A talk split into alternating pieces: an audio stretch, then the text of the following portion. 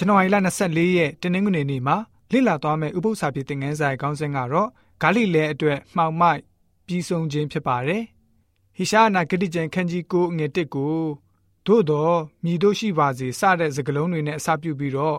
ရှစ်ဆက်မဲ့စကားရှိသေးတဲ့အကြောင်းကိုဘာလို့ဖော်ပြရတာလဲဆိုတာကိုကြည့်ကြပါစို့။ဟိရှားနာဂတိကျမ်းခန်းကြီး9ငွေ1ကိုဖတ်ပါမယ်။သို့တော်လည်းဒုက္ခဆင်းရဲခြင်းကိုခံရသောပြည်သည်နောက်မှမှောက်မှိုက်နှင့်ကင်းလွတ်လိမ့်မည်။ ဇာဗလုန်ခရိုင်နှင့်နတလိခရိုင်ကိုအထက်ကရှုတ်ချတော်မူတော်လဲနောက်တဖန်အိုင်နာလျှောက်တော်လန်ယော်ဒန်မြစ်တစ်ဖက်တပားမျိုးသားနေရာဂါလိလဲပြည်ကိုဂုံတရေနှင့်ပြည့်စုံစေတော်မူ၏ဆိုပြီးတော့ဖော်ပြထားပါတယ်ဟိရှာနာဂတိကျန်ခန်းကြီး၈ငွေ27 22ဟာဖျားသခင်ကိုစွန့်ပစ်ပြီးတော့ပြောကအဆုံးကိုဝေတွေကိုအားကိုးတဲ့သူအတွက်မျှော်လင့်ချက်အခြေအနေမှာပြန်လန်းမရှိတဲ့အကြောင်းဖော်ပြခဲ့တာကိုတွေ့ရပါတယ်သူတို့မြင်ရသမျှဟာသူတို့တွေကြည်လျရရမှာအထက်ကိုမျိုးကြည်တာပဲဖြစ်စေ မြေကြီးကိုကြည်တာပဲဖြစ်စေဒုက္ခဆင်းရဲနဲ့မှောင်မိုက်အတိရှိခဲ့ပါတယ်ထူထပ်တဲ့မှောင်မိုက်နဲ့အလင်းကွယ်ပြောက်ရာစီကိုနှင်ထုတ်ခြင်းခံရလိမ့်မယ်နိုင်ရှင်မြန်တဲ့အခါမှာဂါလိလဲမှာရှိတဲ့သူတွေဟာအထူးသောကောင်းကြီးကိုခံရပြီးတော့ကြီးစွာသောအလင်းကိုရကြပါလိမ့်မယ်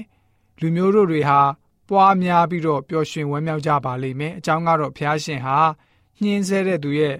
လှန်တန်ကိုချိုးတော်မူပြီးဆိုပြီးတော့ဖော်ပြထားတာတွေ့ရပါတယ် ဂါလိလဲအိုင်ဒေတာတဝိုက်မှာရန်သူတွေရဲ့တိုက်ခိုက်အောင်မြင်ခြင်းကိုပထမဦးစွာခံရမယ့်ဒေတာဖြစ်ပါတယ်။အခက်မင်းရဲ့တောင်းဆိုမှုအရတိကလက်ပိလေတာ3ဟာရှေးဥစွာဣသေလပြည်ရဲ့မြောက်ပိုင်းဒေသဖြစ်တဲ့ဂါလိလဲနဲ့ယော်ဒန်မြစ်အရှေ့ဘက်ခြမ်းကိုစတင်သိမ်းပိုက်လိုက်ပါတယ်။စစ်တုပ်ပန်းတချို့ကိုခေါ်ဆောင်သွားပါတယ်။အဲ့ဒီဒေသကိုအာရှုရိတိုင်းရဲ့နေအပိုင်ဖြစ်သတ်မှတ်လိုက်ပါတယ်။ဒါကြောင့်ဟေရှာယရဲ့သတင်းစကားအရပထမဦးဆုံးသိမ်းပိုက်ခံရတဲ့နေမြေဟာအရင်ဆုံးပြန်လည် လွတ်မြောက်ရမှာဖြစ်ပါတယ်။ဖျားရှင်ဟာဆိုလို့ရှိရင်သူ့ရဲ့လူတွေလွတ်မြောက်ဖို့အတွက်ဘသူ့ကိုအသုံးပြုခဲ့တယ်လဲ။ဟေရှာနာဂတိကျမ်းခန်းကြီးကိုငွေ6နဲ့9ကိုကြည့်ပါမယ်။အကြောင်းမူကားငါတို့အဖို့သူငယ်ကိုဖွားမြင်၏ငါတို့အားသားကိုတနာတော်မူ၏ထိုသူသည်အုပ်ဆိုးခြင်းအာနာဆက်ရှိလိမ့်မည်နာမတော်မူကားအံ့ဩပွေတိုင်ပင်ဘက်တကိုးကြီးသောဖျားသခင်ထာဝရအဘညီသက်ချင်းအရှင်ဟုခေါ်ဝတ်သမုတ်ခြင်းကိုခံတော်မူလိမ့်မည် ဒါဝိမင်း၏ယာဇပလင်ပေါ်မှထိုင်၍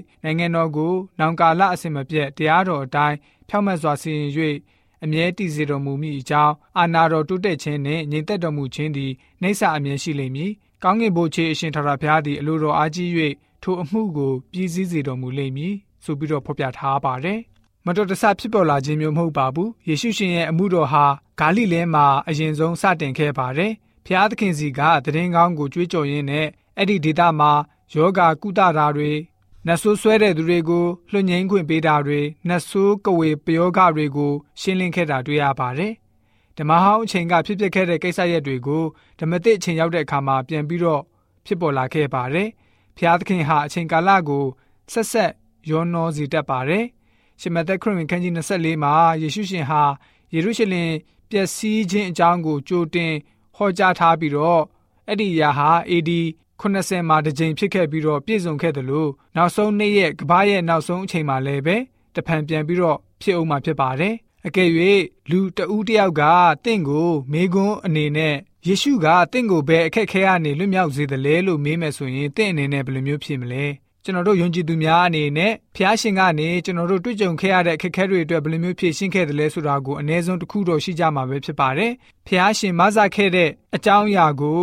ပြန်လည်အောက်မေ့သတိရပြီးတော့ရေတွက်ချီးမွမ်းပြီးတော့တပားသူများကိုခရစ်တော်ရဲ့တကိုးတော်အကြောင်းကိုတသက်ခံနိုင်ကြတဲ့ယုံကြည်သူတွေဖြစ်စေဖို့အတွက်တနင်္ဂနွေနေ့ဥပုသ္စာဖြစ်တဲ့ငန်းစာကဖော်ပြထားပါတယ်။